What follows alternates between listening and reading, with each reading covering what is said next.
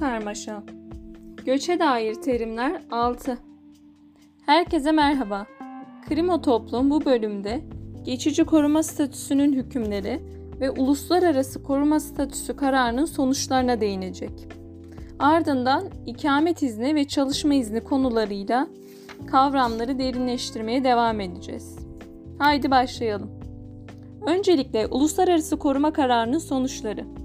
Bu kararın sonucu hiç şüphesiz koruma talebinde bulunan kişinin koruma statüsünde olan yabancı olarak ülkede muamele göreceğidir. Yani artık uluslararası koruma statüsüne kişi girmiş oluyor. Bu üst başlıkta alt başlıklar ne derdi? Mülteci, şartlı mülteci ve ikinci koruma statüsü sahibiydi.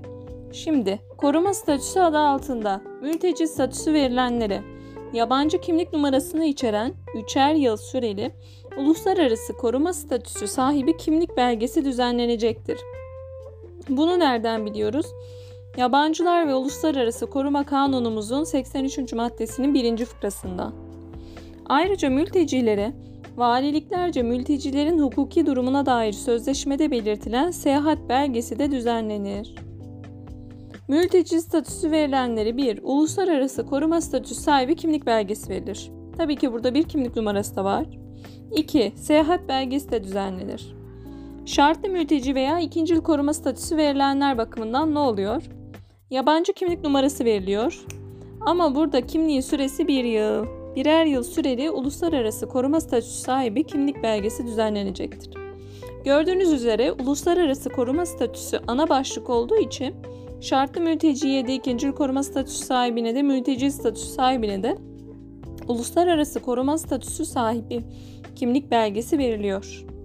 Ancak mültecide bu süre 3 yıl, şartlı mülteci ve ikinci koruma statüsü sahiplerinde bu kimlik belgesinin süresi 1 yıl. Efendim ayrıca şartlı mültecilere ve ikinci koruma statüsü sahiplerine pasaport kanununun 18. maddesi çerçevesinde yabancılara mahsus damgalı pasaport verilir. Geçelim şartlı mülteci ve ikinci koruma statüsü sahibi kişiye. Genel müdürlükçe burada genel müdürlük ne ifade ediyor? Göç İdaresi Genel Müdürlüğü'nü, kamu düzeni veya kamu güvenliği nedeniyle belirli bir ilde ikamet etme, belirlenen süre ve usullerde bildirimde bulunma yükümlülüğü de getirilebilir. Belirli bir ilde ikamet etme terimine şimdi gireceğiz. Burada uydu kentlerden bahsediliyor aslında. 64 tane sayısını yanlış söylemiyorsam uydu kent var ve şartlı mülteciler ve ikinci koruma statüsü sahibi kişiler bu uydu kentlere yerleştirilebiliyor. Ona da değineceğim bu bölümün ardından not olsun. Mülteciler, şartlı mülteciler ve ikinci koruma statüsü sahipleri için 83. madde uyarınca yabancılar ve uluslararası koruma kanunun 83. maddesi uyarınca düzenlenen uluslararası koruma statüsü sahibi kimlik belgeleri ikamet izni yerine geçer. Yani Tekrarlayalım. Mülteciler, şartlı mülteciler ve ikinci koruma statüsü sahibi bireyler artık başvurularını yaptılar, bu statüyü aldılar. Uluslararası koruma statüsü sahibi kimlik belgelerini de aldılar. Artık bu belgeleri ikamet izni yerine de geçiyor efendim.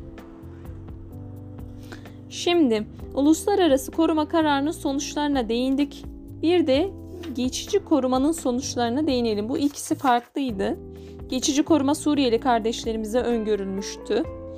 İlk bölümümüzde bundan bahsetmiştik. Şimdi hemen geçici koruma kararının sonuçlarına da gelelim. Efendim geçici koruma statüsünün tekrar söylüyorum Suriyelilere verildiğini biliyoruz. Bunu karıştırmayalım çünkü mülteci ayrı bir terim, şartlı mülteci ayrı, ikinci koruma ayrı. Onlar uluslararası koruma statüsünün alt başlığıydı. Geçici koruma statüsünün hükümleri nedir ne değildir? Geçici koruma talebinde bulunan yabancılar Türkiye sınırlarına kabul edilecektir. Bunu biliyoruz. Geçici koruma kimlik belgesi verilen yabancılara nüfus hizmetleri kanunu gereği kimlik numarası da verilir. Yani geçici koruma statüsü alanlara da geçici koruma kimlik belgesi veriliyor. Geçici koruma yönetmeliğinin 21. ve 22. maddeleri gereği efendim. Şimdi bu işlemler sürene kadar kişiler barınma merkezlerine sevk edilebiliyor. Çocuklar ve özel ihtiyaç sahipleri için gerekli önlemler alınır. Kamu düzeni, kamu güvenliği ve kamu sağlığı yönünden herhangi bir sakınca görülmez ise Bu kişilerin genel müdürlükçe belirlenen illerde kalmalarına da izin verilebilir. Yani yine burada uydu kente geleceğiz ve uydu kentten bahsedeceğim. Bunu yine not düşelim. Geçici koruma yönetmeliğinin 14. maddesinde diyor ki bu geçici koruma statüsü sahipleri belirli illerde kalmaları üzerine izin alabilir. Burada genel müdürlükte kastedilen yine Göç İdaresi Genel Müdürlüğü. Geçici koruma statüsünden faydalanan kişiler Türkiye'de geçici olarak kalmaktadırlar. Kendilerine verilen geçici koruma kimlik belgesi sadece Türkiye'de kalış hakkı sağlar. Ancak bu belge yabancılar ve uluslararası koruma kanununda düzenlenen ikamet izni hakkı sağlamadığı gibi ikamet izni yerine geçen belgelere eşdeğer koşulları da sağlamaz. İşte burada uluslararası statü sahibi kimlik belgesi alan kardeşlerimizle geçici koruma kimlik belgesi alanların farkı. Uluslararası koruma statüsü sahibi kimlik belgesi aldığınızda bu ikamet izni yerine geçiyor. Ancak geçici koruma kimlik belgesi aldığınızda bu ikamet izni hakkı sağlamıyor. Sadece Türkiye'den sınır dışı edilmiyorsunuz. Türkiye'de kalış hakkı veriyor. Çünkü savaş gibi özel bir durum nedeniyle geldikleri için efendim. Bu kişilerin yani geçici koruma statüsünden faydalanan kişilerin Türkiye'de bu statüde bulunmaları ileride normal ikamet talebinde bulunmalarında bir etki doğurmuyor. İsterse bulunur bu kişiler. Daha net bir ifadeyle kalış süreleri ikamet izni toplamında dikkate alınmıyor. Uzun dönem ikamet izni için kendiliğinden bir geçiş hakkı da doğurmuyor. Ayrıca başvuracaksınız demeye getiriyor. Geçici koruma statüsü sahibi yabancıların Türkiye'de çalışmaları mümkün. Bu kişiler Bakanlar Kurulu artık Bakanlar Kurulu tarafından belirlenecek sektörler, Bakanlar Kurulu yazan yere Cumhurbaşkanlığı onayı verildi. Değişiklik oldu. Kitap eski olduğu için bu şekilde belirlenen sektörlerde, iş kollarında ve coğrafi alanlarda çalışabiliyorlar.